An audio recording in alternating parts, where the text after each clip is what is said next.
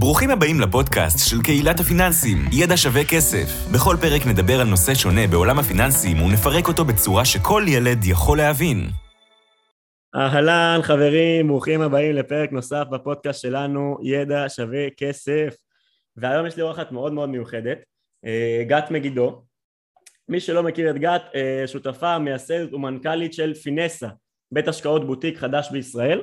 ובתפקידה הקודם היא הייתה מנהלת השקעות של, אה, הראשית של פסגות בית השקעות, אה, ניהלה תחתיה אה, בערך 70 מיליארד דולר, שקל, נכון גת? אני לא טועה? נכון.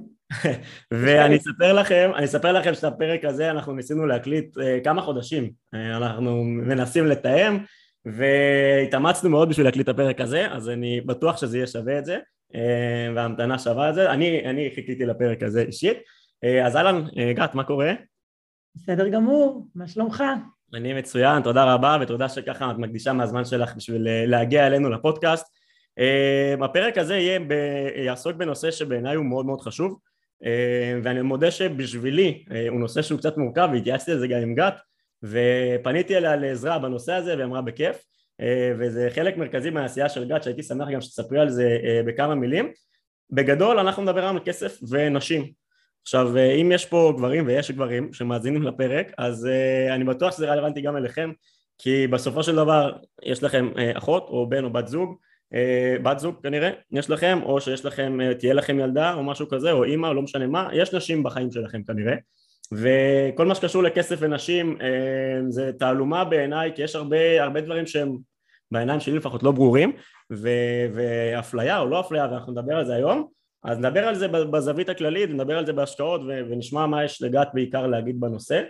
אז, אה, אז גת, מה, מה, בואי, בואי תפתחי, מה, מה יש לך להגיד בנושא של כסף ונשים והשקעות והכל?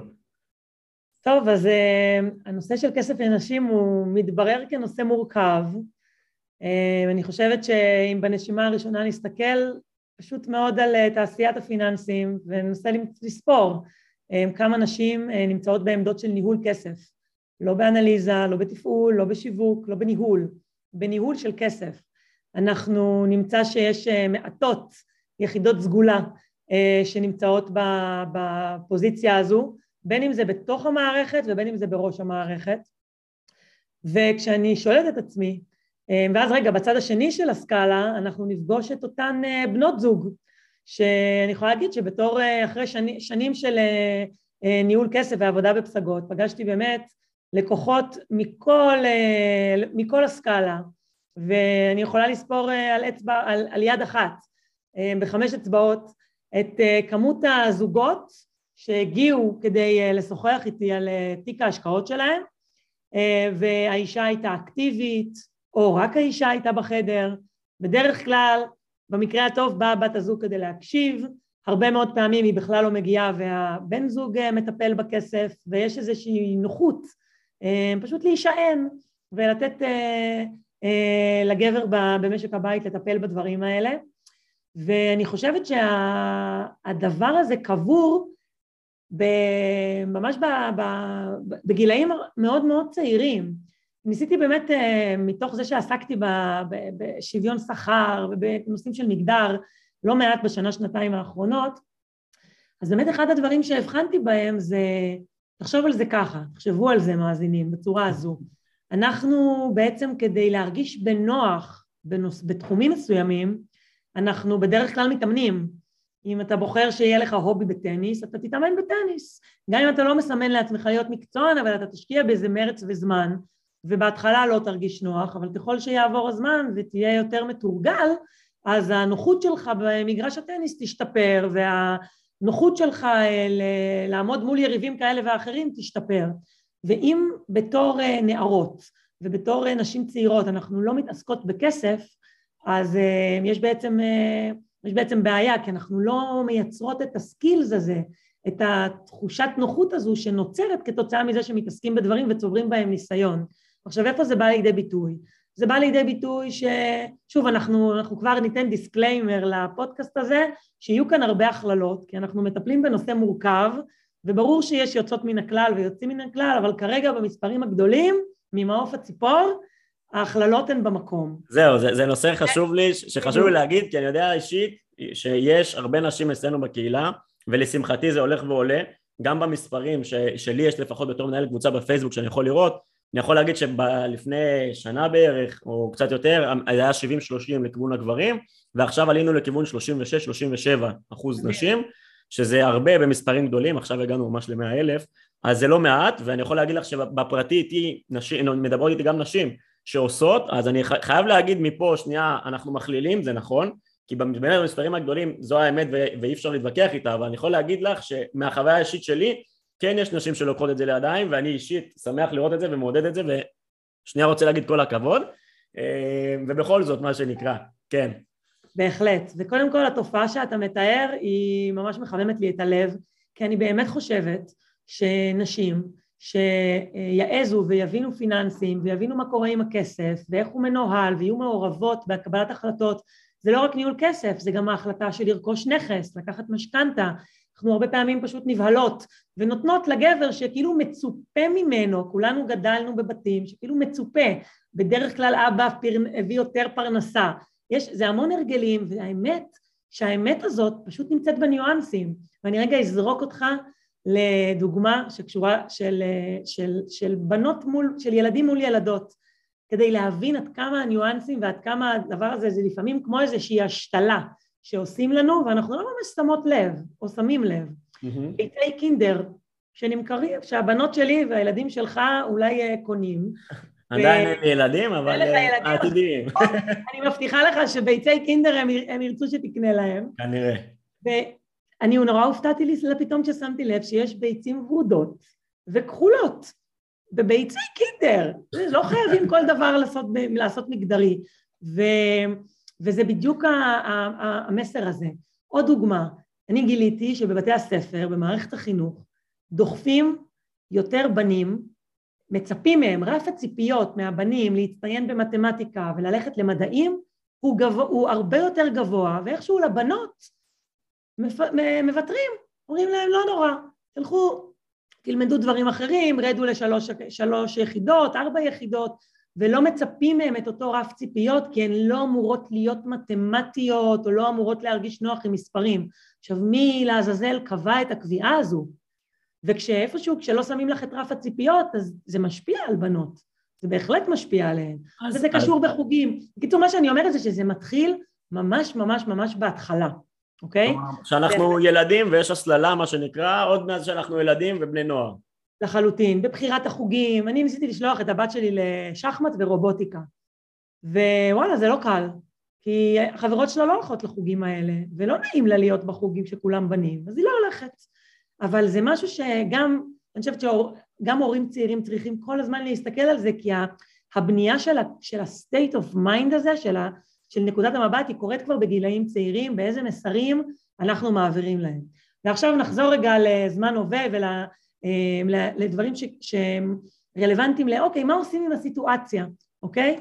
אז, אז דברים שהתחלתי לדבר עליהם, למשל, שנייה, שנייה, אבל, שנייה, אגת, אם, אם אפשר שנייה לפני שמה עושים, כאילו זה, זה חשוב, אבל הייתי רוצה כן עוד שאלה, אה, אני אקח דווקא צד אחר, שאת גם, אמרת את זה אולי, לא יודע אם בין המילים או זה, אבל אמרת שלפעמים נוח, כמו שאת אומרת, לקחת צעד אחורה, כי באמת להתעסק בכסף, באיזשהו שלב בחיים צריך להתעסק עם כסף, בין אם אתה גבר או אישה צריך להתעסק עם כסף.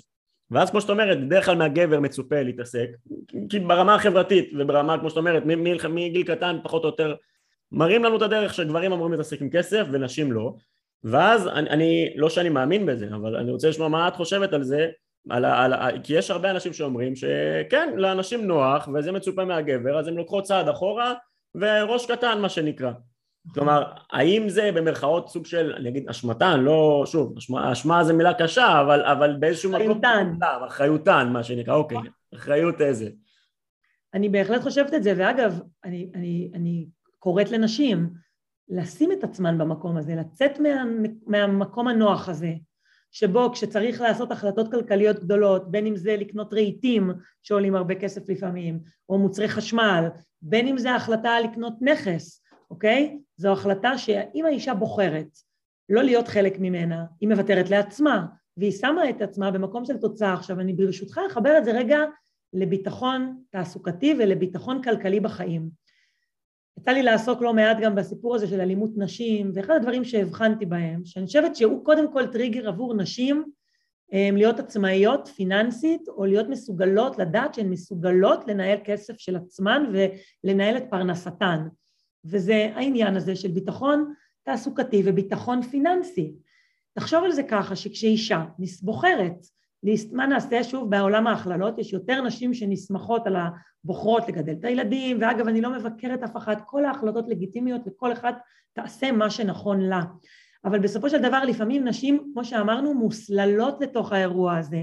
מצופה מהן להתחתן, מצופה מהן לגדל ילדים, מצופה מהן לתת לבעל שלהן להגשים את עצמו, והן מוותרות, אוקיי? ולפעמים יכול להיות שהן מרגישות שהן עושות את זה ממש בלב שלם, אבל כתוצאה מהדבר הזה, לא עלינו, לפעמים זה גם מידרדר למקומות שהסוגיות, אה, יש בה סדקים, ואז אני חושבת שהרבה מאיתנו, בין אם זה כילדים במשפחות ובין אם זה הורים ונשואים, לפעמים נשארים בתוך קשר בגלל ביטחון כלכלי, ואני חושבת שכדי, ש, שאחד ה, הדברים שלדעתי מאוד יחזקו אישה זה הביטחון הזה עכשיו, זה פעם אחת ב, בלב, בבטן, הידיעה שאת יכולה לסמוך על עצמך, שאת יכולה להביא פרנסה, שאת תלויה בעצמך, שאת יודעת להביא פרנסה, ובצד השני שאת גם יודעת לנהל את הכסף ואת לא כל הזמן תלויה ואת גם יודעת מה יש בחשבון ולא לייצר יותר מדי את התלות הזו, וזה לא כדי כי, כי אני חושבת על מה יקרה ש, ש, שאני אפרד מהבן זוג שלי, ממש לא, זה מקום אחראי, זה מקום של ניהול סיכונים. נכון, אני... מקום של טובת ילדים אחר כך בעתיד, כי מה נעשה? יש אחוז לא קטן של אנשים שנפרדים, וזה מאוד מאוד חשוב. שלא לדבר על עולמות של לספוג אלימות, כי מפחדת לצאת מהבית בגלל שיקולים כלכליים. זה, זה, נושא עמוק וגדול ורגיש, כן. הרבה יותר גדול מהפודקאסט שלנו, אנחנו לגמרי. מתרכזים, משתדלים להתרכז בסוגיות הכלכליות, אבל זה, זה לגמרי מתקשר, אני מסכים איתך לגמרי, זה מתקשר גם לדברים פחות נעימים כמו אלימות במשפחה, ואני יכול להבין מה שאת אומרת, אני פחות אה, עסוק בעשייה השוויון מגדרית אה, כמו שכמוך, אבל אני לגמרי, ממה שאני שומע ומכיר, אה, אני זה, אני, אני מזדהה. תחשוב כמה זו ביצה ותרנגולת, כי ברגע שלנשים יהיה ביטחון לדבר על כסף, יהיה להן ביטחון לנהל משא ומתן כשהן צריכות ללכת לבקש העלאת שכר או כשהן מתראיינות לתפקיד. אני חושבת שכדאי מאוד שנדבר על הסוגיה הזו של פערי שכר, אמ, כי גם אם היא לא ספציפית עולם ההשקעות, אבל היא נוגעת להרבה גברים ונשים, ווואלה, תאמין לי, אף אחד לא אוהב ללכת לבקש העלאת שכר, אבל איכשהו יוצא שהמספרים מראים שנשים עושות את זה עם הרבה פחות ביטחון, מעריכות את עצמן בחסר ומבקשות פחות כסף, ואני חושבת שזה קשור, כי שוב, אם נתחיל בדוגמה שנתתי בהתחלה, כשאת מרגישה בנוח לטפל בנושא מסוים או להתעסק עם משהו, אז את תרגישי בנוח לנהל משא ומתן. אני מסכים לגמרי ואני יכול לתת, רגע לפני שאנחנו קופצים למה עושים עם זה, אה, שתתני כמה, כמה דברים מה שנקרא גם פרקטיים, אני יכול להגיד מה, מהזווית שלי, שאני פעם, כאילו, לא תמיד חשבתי על, על הסוגיה הזאת, אני מודה, ואז היה איזה דיון על זה בקבוצה, ולפני לא מעט זמן, כאילו יותר משנה, ו- וזה עלה לי לראש, ואז אה, התחלתי גם להעלות פוסט ולשאול את האנשים בקהילה, גם את הנשים וגם את הגברים. ואז שמתי לב שאנחנו הרי, אה, אנחנו מנהלים את הקבוצה עם עוד אה, מנהלים תותחים שעוזרים לנו בקהילה לנהל אותה, ו- ובלעדיהם לא היינו מסתדרים אגב, אז מפה אני רוצה ככה במה לתת להם ריספקט ענק, ושמתי לב שכל מי שנמצא בניהול זה רק גברים. עכשיו, אני לא יודע אם זה בכוונה או בטעות או, את יודעת, משהו בלי לשים לב, ואז אמרתי, אני ממש עבדתי על זה שלא משנה מה, אני עכשיו מוסיף מישהי שאני רוצה שתהיה אישה. כאילו, כי, כי בטוח שיש לה דברים שאנחנו לא שמים לב עליהם או לא חושבים עליהם, וממש שכנעתי אותה, אה, ועכשיו אני אתן לה בו במה, אה, כרמית, שבעיניי עושה עבודה מדהימה, ולא רק בעיניי, אה, באמת גם, כאילו אפשר לראות בתגובות בקבוצה, בפייסבוק, היא באמת עושה עבודה מצוינת, ו, ו, וזה היה לי חשוב, לפחות אישה אחת, ניסיתי אחר כך עוד והיה לי קשה, אני מודה, אה, והייתה אחת שהתחילה ופרשה, אבל אני אומר, לפחות אחת שתהיה כאילו שתיתן לפחות את, את הזווית, את הראייה הזאתי, אה, שבעיניי זה חשוב, אני כמובן אשתדל ומשתדל, זה, זה לא רק החלטה שלי, אבל משתדלים להוסיף עוד באופן כללי, ולצערי זה היה לי יותר קשה. עכשיו, אולי כי אני ושי, שהקמנו את הקבוצה, אני כאילו הקמתי את הקבוצה וצירפתי את שי, ואז יותר קל מתחבר לגברים. אה, מהסיטואציה הזאתי אז זה היה כאילו מה שנקרא טבעי אבל מה שנקרא עשיתי את זה בכוונה ואני לא מצטער לרגע ולהפך אני מאוד שמח שהתעקשתי, אני למדתי ממש שצריך לשכנע אותה, עשיתי לה כמה שיחות חיזרתי אחריה, בוא נגיד ככה, אה, כדי שתעזור ותהיה אצלנו בקבוצה, ואני חושב שהיא לא מצטערת על זה, אה, אני מקווה. אה, אז זה ככה מהחוויה האישית שלי, ואני, ואני יכול להגיד שאת הפודקאסט הזה אני עשיתי, באמת, דיברתי איתך כדי שנבוא וננסה להנגיש את זה, את, ה, את העולם הזה, אז אני הייתי שמח עכשיו אם את יכולה לתת, באמת, כמו שהתחלת להגיד קודם, מה, מה אפשר לעשות, אוקיי? כאילו, בוא נגיד שעכשיו אה, מאזינה, או מישהו ששומע את זה ורוצה להעביר את זה לאחותו, אה, לבת הזוג, לא משנה למי, לאימא שלו, היא כנראה כבר אה, אה, לא בת חמש ואי אפשר להחזיר את הגלגל אחורה בנושא הזה, אז מה כן אפשר לעשות בגילאים קצת יותר מבוגרים, קצת יותר גדולים? אולי בעתיד, אולי אחר כך נדבר על מה אפשר לעשות במערכת החינוך, אבל, אבל זה כבר עניין אחר.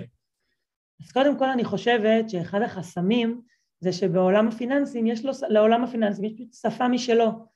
עכשיו, כמו הרבה שפות אה, מקצועיות, בסופו של דבר זו שפה סגורה, זאת אומרת הנחמה זה שמספר המושגים הוא מוגבל, אבל מי שלא מכיר אותם זה נורא נורא עוצר אותו, זה מרתיע, מי שלא יודע מה זו אינפלציה, או איך אינפלציה משפיעה, וריבית, ותשואה, ומה זה אומר איגרת חוב נסחרת ב...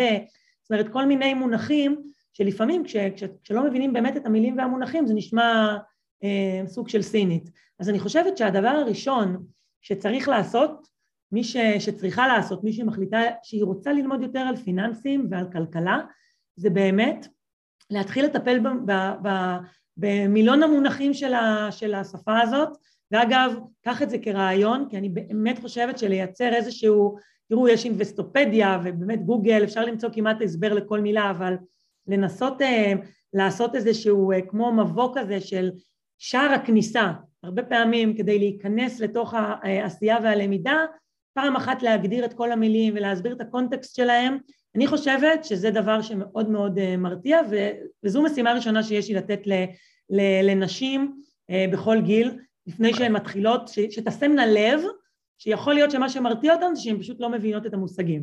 אז בנושא הזה, בנקודה הזאת הרמתי להנחתה כי יש לנו אה, דברים בנושאים מסוימים, כלומר זה לא הכל מהכל כי זה באמת אה, אפשר לאבד את הידיים ואת הרגליים כי יש מושגים בנדל"ן ובשוק ההון ובהמון המון מושגים לפני שדיברנו על פיננסים ופנסיה וביטוחים. אנחנו לא הולכים על הכל על הכל אבל יש כן אה, מיני קורסים אנחנו קוראים לזה אה, סדר בראש כסף בראש אצלנו בקהילה זה בחינם לגמרי פשוט נרשמים שמים מייל וכל יום מקבלים מה שנקרא טיזר כזה קטן ואיזשהו פוסט. ואז זה כזה במנות שקלות לעיכול ואנחנו מסבירים שם באמת ברמה הכי הכי פשוטה. יש סדרה כזאת על השקעות, יש סדרה כזאת על שוק ההון ספציפי ויש על התנהלות פיננסית, התנהלות כלכלית נכונה. ובנוסף באתר שלנו יש הרבה הרבה דברים ומושגים שאנחנו באמת משתדלים להסביר בגובה העיניים. וכמובן שאצלנו פה בפודקאסט אבל שם זה ממש אפשר לחפש ואפשר לראות כאילו ולקרוא אחר כך שוב מי שרוצה אני אשים אחר כך גם אה, קישור בתגובות אה, לסדרות הפוסטים האלה אה, בחינם לגמרי אז אני, אני לגמרי מסכים זה נכון אגב גם לגברים אבל זה ברור. כנראה באמת מכשול ל- ל- לנשים, מכשול מסוים.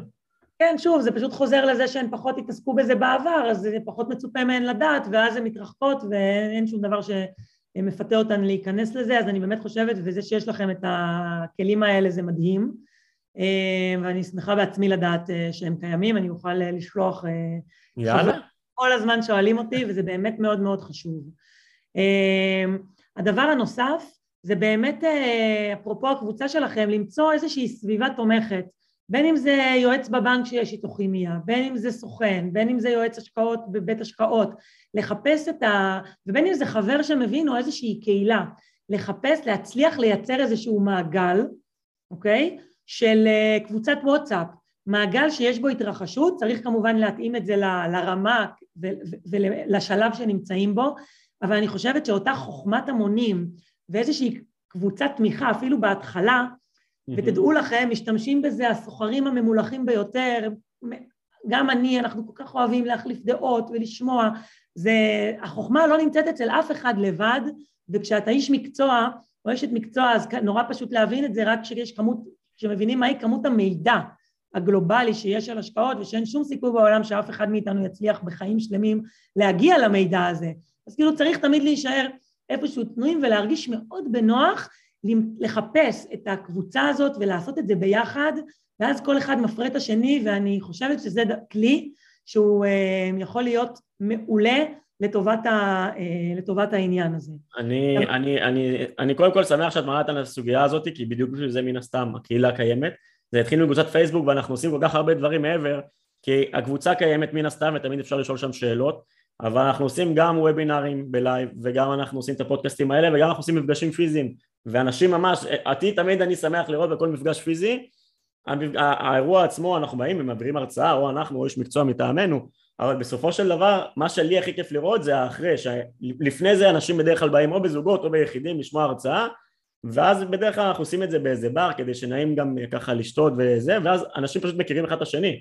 ופתאום הוא, עוזר לו בנושא אחר והוא מתחיל לדבר איתו על פיננסים ומחליפים טלפונים ונהיים סוג של במרכאות חברים אה, אחרי ההרצאות שבעיניי זה הערך הרבה הרבה יותר גדול מההרצאה עצמה, לא משנה באיזה תחום, אנחנו כל פעם עושים בנושא שונה, אז אני לגמרי מסכים איתך במאה אחוז, ואגב אני פה נכנס גם לאיזה פינה ש, ששוב אני אמנם לא אובייקטיבי, כי יש גם קהילות של נשים, אה, שהן רק של נשים, ושוב אני לא אשפוט נשים שנמצאות שם, אני, אני יכול להבין למה יש פה סוג של, במרכאות סוג של סביבה תומכת, בעיניים שלי זה כאילו, אני מבין שזה נוח יותר, אבל זה גם סוג של מנציח את, ה, את הבעיה כי כאילו... אני, אני חושבת שהרבה פעמים נשים בסוף ילכו לקבוצת נשים כי הן ירגישו יותר בנוח לשאול את השאלות וחלקן פשוט מרגישות שברגע ש, שכבר בקו הזינוק הן בנחותות יותר מבחינת הידע והנוחות שלהן עם הנושא אז כנראה שחלקן באמת אה, מוצאות אה, אזור נוח יותר בללכת לקבוצת נשים.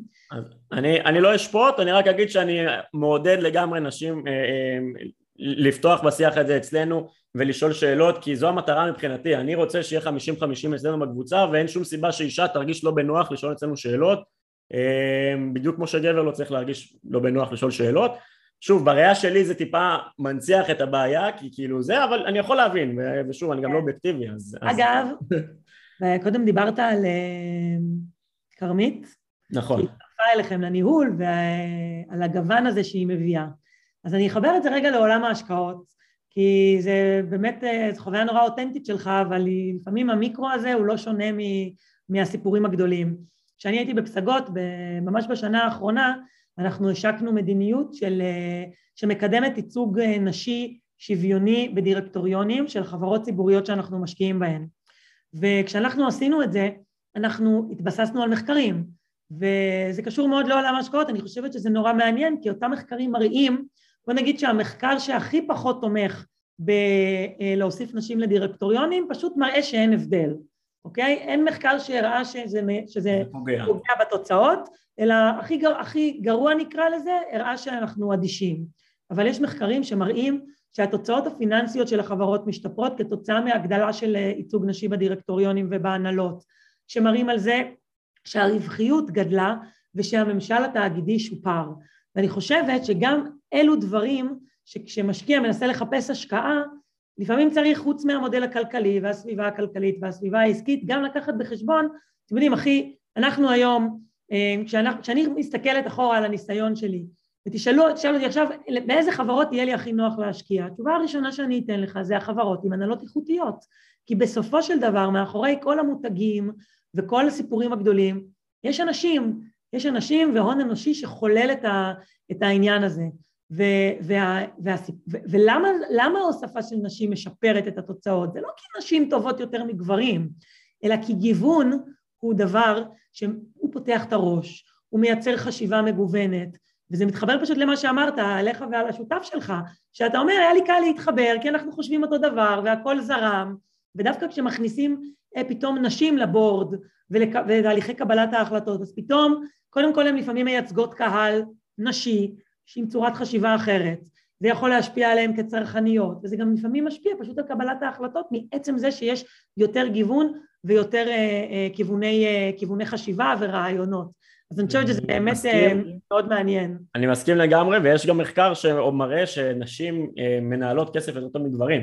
כלומר שבסוף ההשקעות בשוק ההון נשים מצליחות אם אני לא טועה זה ברמה, בדרך כלל ברמה הפסיכולוגית, לא לעשות פחות טעויות ופחות להיכנע ללחצים ולא לקחת סיכונים מיותרים ורואים שנשים מצליחות לנהל כסף טוב יותר מגברים אני לא זוכר את המחקר, אני לא זוכר מי ואיפה, אבל זה, זה משהו שאני מכיר. נכון, הן מייצרות, אגב, התשואה העודפת לדעתי היא סביב האחוז, ממה שאני זוכרת, והסיבות הן בעיקר באמת איזשהו אורך רוח, איזשהו קור רוח ופחות פזיזות, יותר משקיעות לאורך זמן, לטווח ארוך, יותר, אם באות לסיפור הזה עם הרבה יותר סבלנות, בדרך כלל גם מנהלות את הסיכונים קצת יותר טוב, כי הן מאוד מחושבות ופחות קופצות למים כשהן לא מבינות את המספרים או את הסיפור, כן, אז, אז, אז גם זה בא לטובתן, אז נשים, שימו לב, קחו את זה לזה, זה שווה לכם כסף בסוף. אה, אז יש לך עוד איזה טיפ אחרון לנשים, לפני שאנחנו עוברים לשלב הבא שאני רוצה לשאול אותך דווקא לא רק לנשים, אה, לשאול אותך על, על מה זה לנהל 70 מיליארד שקל. אז לפני שאנחנו קופצים לזה, יש לך עוד איזה טיפ ככה אחרון לנשים, פרקטיקה שאפשר ליישם? אה, בעיקר לקחת את מה שאמרתי על הסיפור הזה של לצאת מנקודת הנוחות ולהצליח לקחת לעבור את התהליך הזה כדי כן להרגיש בנוח עם כסף. ברגע שזה קורה, אז העולם נפתח, חד משמעית נפתח. וזה להבין את הפנסיה שלך, וכן, זה עבודה וזה קצת סזיפי בהתחלה, אבל זה ממש ממש משתלם. אני מסכים במאה אחוז, ואני יכול להגיד בתור גבר שגם אני הרבה פעמים, הרבה דברים לא הבנתי, ואני עדיין לא מבין, ועדיין שואל ולומד תמיד, ואני אישית, רגע, דיברת על קהילה, אני למדתי מהקהילה המון, ונחשפתי להמון אנשי מקצוע בזכות הקהילה הזאת ובזכות הדברים האלה, ואני אישית לומד מזה המון כל הזמן. אני חושבת שהתחומה של אה, אדם, ובוודאי של מנהל השקעות, אה, זה באמת להיות כל הזמן פתוח ללמוד, כי באמת יש בעולם הזה המון המון מה ללמוד והמידע הוא אינסופי, אז אה, לחלוטין, ולא לחשוש מזה. אני מסכים לגמרי. ובנושא הזה, מה שנקרא, אני אסכם את הנושא הזה של אנשים, ברמה האישית, כאילו, של הקבוצה והכל, אל תפחדו, אה, ואני מעודד אתכן, אה, ואם יש לכן הצעות אגב, מוזמנות לפנות אה, או אליי בפרטי או לדף הרשמי שלנו, ידע שווה כסף, מקף הדף הרשמי, לכל מיני הצעות, דברים כאלה, אנחנו נשמח, אני בראש פתוח, אנחנו נשמח ממש לעזור ולתרום, ואולי לשנות דברים בהתנהלות שלנו, שלא שמנו לב אליהם. ועכשיו שאלה קצת אחרת, בתפקיד הקודם שלך ניהלת 70 מיליארד שקל, שלי זה מספר שהוא כזה לא נתפס, ו... וכאילו אני, אני רוצה להבין קודם כל איך זה לנהל 70 מיליארד שקל? אמ, ואחר כך אני רוצה לדעת מה בפרקטיקה, כלומר לבן אדם הרגיל שלא מנהל כאלה סכומים ומנהל את הכסף שלו מה אפשר להשליך את זה על, ה... על הניהול של עצמו, שלו עצמו, של הכסף. אוקיי, okay, אז uh, אני, אני אספר לכם את הסוד באיך מנהלים 70 מיליארד או כל מספר גדול כל כך. Um, אנחנו בדרך כלל uh, אנשי ההשקעות חיים באחוזים. אנחנו לא חושבים בכסף, אנחנו חושבים מה האחוז של ההשקעה שעשינו מסך הפורטפוליו. ו, ו, וזה מאוד, אה, זה, זה איזשהו סוג של הרגל ש, ש, ש, ש, ש, ש, שנוצר, אה, וזה מאוד מקל על, ה, על הסיפור הזה, כי אז אה, הרבה פעמים היה קורה לי, הייתי יושבת בוועדת השקעות, ופתאום שלקוח, ואחד החברים היה אומר, מה, הפסדנו 100 מיליון שקל כי השוק ירד, ובכיס שלו 100 מיליון שקל זה המון כסף, אבל זה תיק של 20 מיליארד ו-100 מיליון שקל זה, זה חלק קטן בתיק והשוק ירד ו, ו, וה, זה, זה מאוד מטעה, ולכן השיטה של מנהלי השקעות היא פשוט לדבר באחוזים. זה, זה, זה ברמת האיך מנהלים 70 מיליארד מבחינה מנטלית, בדיוק, מבחינה מנטלית. עכשיו תראה, לנהל סכום כל כך גדול והאמת שיש לי עכשיו חוויה מאוד מהנה לקחת את כל הניסיון הזה ואת כל הדברים שעשיתי כל ב-15 שנה בפסגות ופתאום לנהל גוף קטן ומגייסים את הכסף אה, בכפיות ואפשר לנצל את הניסיון הזה והרבה יותר להשפיע על הפורטפוליו בצורה מועצמת לעומת כשמנהלים 70 מיליארד. הרבה יותר זריזה. בטח, כבר הרבה יותר זריזה וגם עסקאות קטנות שאתה עושה משפיעים על, ה, על התיק ועל הפורטפוליו לעומת אה, אה, רק כדי שנבין סדרי גודל כשמנהלים 70, 70 מיליארד שקל 70 מיליון זה 0.1 צריך רק להבין את ה... לקחת את זה גם את ה... מה הנגזרות של זה. הדרך היא פיזור, אה, בתיקי, בתיקים פנסיוניים יש באמת רכיב שכיר ואני מניחה שבטח גם דיברתם על זה בקהילה איך בשנים האחרונות הרכיב האלטרנטיבי הלא שכיר כל ה... מה שהוא לא אג"ח ומניות ישירות אה, הולך ומתפתח, אז mm-hmm. בתיקי פנסיה יש נדל"ן ויש קרנות השקעה ויש קרנות חוב פרטיות ואנחנו, ועסקאות ישירות פרטיות לפעמים בסטארט-אפים, זאת אומרת יש רכיב לא מבוטל בתיק שהוא בעולמות הלא שכירים כי לא צריך את הכסף נזיל.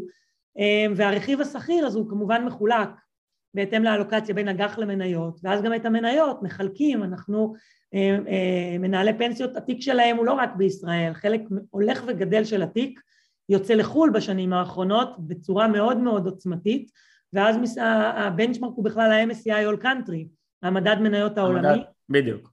ובאמת, זה, זה, מצד אחד זה קשוח, כי באמת קשה מאוד להשפיע על התיק, מצד שני אפשר באמת לפזר אותו, להגיע למנהלים שמנהלים מניות קטנות ביפן וזו המומחיות שלהם ולתת להם אלוקציה ומנהל בהודו ומנהל בסין ומנהל מוכשר באירופה. זאת אומרת יש המון המון כלים ואני נחשפתי בשנים האלה להמון מנהלים מאוד מוכשרים ואפשר גם להשתמש בניהול מתמחה.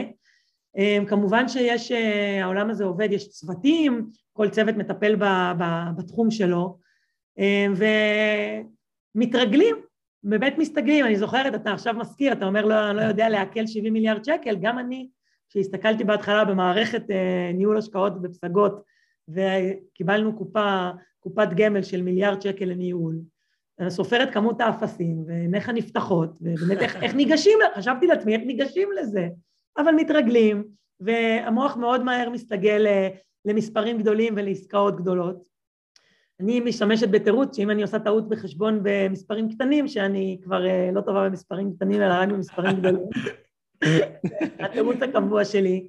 אבל באמת, בסופו של דבר, ואני חושבת שזו נקודה חשובה, מנהלי השקעות לא סתם מדברים באחוזים, פורטפוליו צריך להיות מפוזר, והאמת היא לא מה סך הכסף, אלא כמה אחוזים יש מכל, מכל פוזיציה, כמה התזה שפיתחת לעצמך היא תופסת את מירב הכסף, איזה גידורים יש בתיק, תחשבו על זה רגע בצורה הכי פשוטה, הקורונה אה, גזרה איזשהו קיטוב מאוד גדול, מניות של ה-work from home מאוד הצליחו בתקופות הסגר וכל המסורתי מאוד נפגע ואז כשנפתחו השווקים נהייתה איזושהי תנועת מספריים בחלק מהחברות ו... אני, אני רק, שנייה, אני רק אוריד את זה לקרקע, הכוונה מניות work for home זה כל המניות האלה, הטכנולוגיה שנהנו לעבוד מהבית סטייל נכון. זום ו- וכדומה, נכון. שעלו בפראות אפילו בוא נגיד ככה בתקופת הסגרים ואז שטיפה נרגע והיה לא יודע מה אה, חיסונים ודברים כאלה והמשק טיפה נפתח אז ראינו ירידות מאוד מאוד קשות שמה ובחלק אה, מהחברות דווקא אם אני, אם אני אה, יש לי בראש ה big five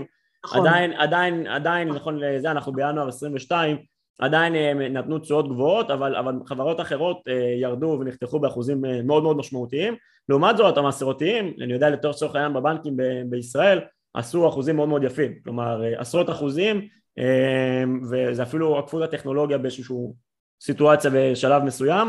אה, אז, אז אם אה, ככה כן אנחנו מחפשים טיפ למשקיע הקונבנציונלי בוא נגיד שלא מנהל מיליארדים אז אני, תקני אותי אם אני טועה, תדייקי אותי הפיזור, כלומר לנסות לפזר ולבנות תיק מפוזר זה אישית משהו שאני מאמין בו גם אני לא חושב שבהכרח צריך עכשיו להתחיל ולבחור סלקטיבית מניות, זה לא מתאים לכולם, ונראה לי זה כבר נושא ל- ליום אחר, כי דיברת איתי על זה גם ורצינו להכניס את זה לפרק ואנחנו לא מספיקים, אבל בזווית שלי לא כל אחד צריך לעשות את ה stock picking הזה, בטח אנשים שאולי פחות מבינים או שאין להם זמן או לא רוצים בכלל אה, להבין. זה מקצוע, זה מקצוע, זה לא, נכון, בדיוק.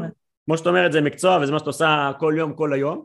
אז זה לא, זה לא כזה, אה כן שמעתי שהמניות, אה, חלילה חלילה אמרנו עכשיו בנקים, לא המלצה ולא ייעוץ ולא תחליף לייעוץ כמובן ו, אה, ולא יודע מה, מה הזכרת MSCI וורד או משהו כזה אז כמובן שלא. אז אני אומר זה לא ששמעתם על אה כן אמרו בנקים, אה כן אמרו S&P, אה כן אמרו נסדק בוא נקנה. אה, להבין מה זה אומר ו, ו, ולהבין ש, ש, שיש ערך בפיזור, יש חשיבות לפיזור, בעיניי זה, זה כלל ולקח מאוד מאוד חשוב, הוא מפחית סיכון בסופו של דבר כמובן שיש עניין של פיזור יתר ואם אה, בן אדם שאין לו הון מאוד מאוד גדול ורוצה לפזר את הכסף שלו בין שוק ההון לנדל"ן, לאלטרנטיבי, לפעמים זה גם קצת פוגע ויש גם. מגבלות אבל, אה, אבל באופן כללי כן, כן לקחת את הדבר הזה בחשבון. נכון, בהחלט. אני חושבת שזה מאוד מאוד חשוב, כי גם כשאנחנו קוראים לנשים ובואו גם לגברים להיכנס לשוק, להבין פיננסים, אנחנו לחלוטין לא רוצים שהם יעשו את זה בצורה אה, חובבנית, אה, הרבה פעמים לאנשים שנמצאים בחוץ יש תפיסה שבורסה זה קזינו, אז אנחנו אומרים כאן זה ממש לא, וצריך בשביל זה בדיוק צריך ללמוד ולהשכיל ולהבין, וגם להבין מה אנחנו לא יודעים ואיפה אנחנו רוצים שייכנס איש מקצוע, וזה גם אה, פודקאסט שלם על איך בוחרים, אבל לחלוטין. אבל רק אני רוצה לסיים, כי אני אה, אה, נקטעתי, רציתי לתת את הדוגמה, איך הגענו בכלל לדבר על הקורונה ועל החברות שהצליחו בסגר לעומת אלה שהפסידו, נתתי דוגמה על העניין של שיש איזושהי תזה, איזושהי, איזשהו תרחיש מרכזי שאתם רואים בראש, שגוזרת מה אתם רוצים לעשות, תמיד צריך לחשוב, אוקיי, מה יקרה אם אני טועה? ומה אני יכול לעשות בתיק ההשקעות שלי כדי אה, אה, לטפל בזה אם אני טועה. עכשיו יכול להיות שזה כבר אה, קפצתי כמה כיתות, אה, אבל זה, זה, זה דברים מאוד מאוד חשובים וזה עוד פעם מתחבר לעניין של פיזור וניהול מאוד מושכל וכמובן להיות ברמת סיכון שנכונה אה, ולא לא להשתולל ולעשות אה, טעויות ולהבין שזה אירוע ארוך, בורסה זה משהו, זה השקעות אה, לאורך זמן, צריך לזה סבלנות, צריך לזה כסף פנוי ולא לצפות לעשות סיבובים או להיכנס לטווח קצר, אלא זה באמת צריך להיות משהו שהולכים איתו אה, לאורך זמן. אני, אני כל כך מסכים איתך ואת נתת פה בחצי דקה אה, בערך שלושה נקודות שאנחנו כל פעם שאנחנו עושים וובינר אלה דבר, נקודות שאנחנו כמעט תמיד חוזרים עליהן העניין שהשוק הוא לא קזינו ולא באים לעשות סיבוב אה, לטווח קצר ואנחנו כל וובינר שאנחנו עולים אני אומר את זה בהתחלה חבר'ה מי שבא לעשות סיבוב או משהו כזה זה לא המקום חבל על הזמן שלכם ושלנו זה לא שם וזה שהשוק שהשוק זה שוק ההון זה קזינו זה משהו שאני בתחילת הדרך. אני בגיל 17 שהתחלתי להשקיע בשוק ההון אז אתה יודע, אתה הסביבה לא הקרובה הקרובה ההורים וזה, אבל אתה יודע, חברים טיפה או משפחה טיפה יותר רחוקה אומרים מה שוק ההון, קזינו ועניינים, מה זה? וזה מעצבן אותי, זה חורה לי עד היום, כי עד היום אנשים אומרים את זה ועכשיו אני כבר יכול לבוא ומה שנקרא אפילו להוכיח את זה ולגבות את זה במחקרים. אה, ומי שלא יודע מה אני מדבר אז מוזמן להגיע לאחד הוובינרים שאנחנו עושים בקבוצה. אני חושבת שאני רוצה להוסיף טיפ לאישה שרוצה להיכנס לשוק. פתחינה את מדד תל אביב 35 ותראי מאיזה חברות זה מורכב. זה כל כך בגובה העיניים, זה בנקים שכולנו לקוחות של בנקים, זה סופרים, כולנו קונים בסופר, זה אמ, חברות פארמה, זאת אומרת, זה הדברים הכי בסיסיים שאנחנו, גם, כשנחש, גם כשחושבים על זה, מבחינת רמת סיכון, שאתה יודע שאתה אתה קונה, קונה שירותי, שירותי תקשורת, אתה רואה טלוויזיה, זאת אומרת זה דברים הכי, נדל"ן, אתה הולך לקניון, אז יש חברות שנסחרות ש, שהביזנס שלהם זה קניונים או משרדים, זה נורא מוריד את זה לגובה העיניים והקזינו הזה או החור השחור הזה פתאום נראה כל ה... קצת יותר ברור, בהיר. יותר בגובה העיניים וגם פחות, פחות מבהיל. אה, אני לגמרי מסכים וזה נראה לי אחלה נקודה ככה לסיים אה, את הפרק. אה, אז אני רוצה להגיד לך ממש ממש תודה גת, אני מאוד נהניתי. אז תודה על הזמן שלך ולמאזינים שלנו חבר'ה עכשיו אנחנו ממש ממש ממש נשמח אם תדרגו אותנו בפודקאסטים בין אם זה באפל פודקאסט או בספוטיפיי או בכל אפליקציה אחרת. תדרגו את הפודקאסט שלנו תנו לנו משובים מוזמנים לעקוב אחרינו גם באפליקציה שלנו אה, לאנדרואיד וגם באתר אה, וגם בקבוצה מן הסתם. וקיצור כל מה שאנחנו עושים אני לא זוכר הכל עכשיו אבל מוזמנים גם להגיע לאירועים שלנו והכל. ממש תודה לכולם על הפידבקים ועל התגובות ושוב תודה רבה גת. היה לי כיף ממש. תודה לכם, תודה לך. נתראה בפרקים הבאים חברים, להתראות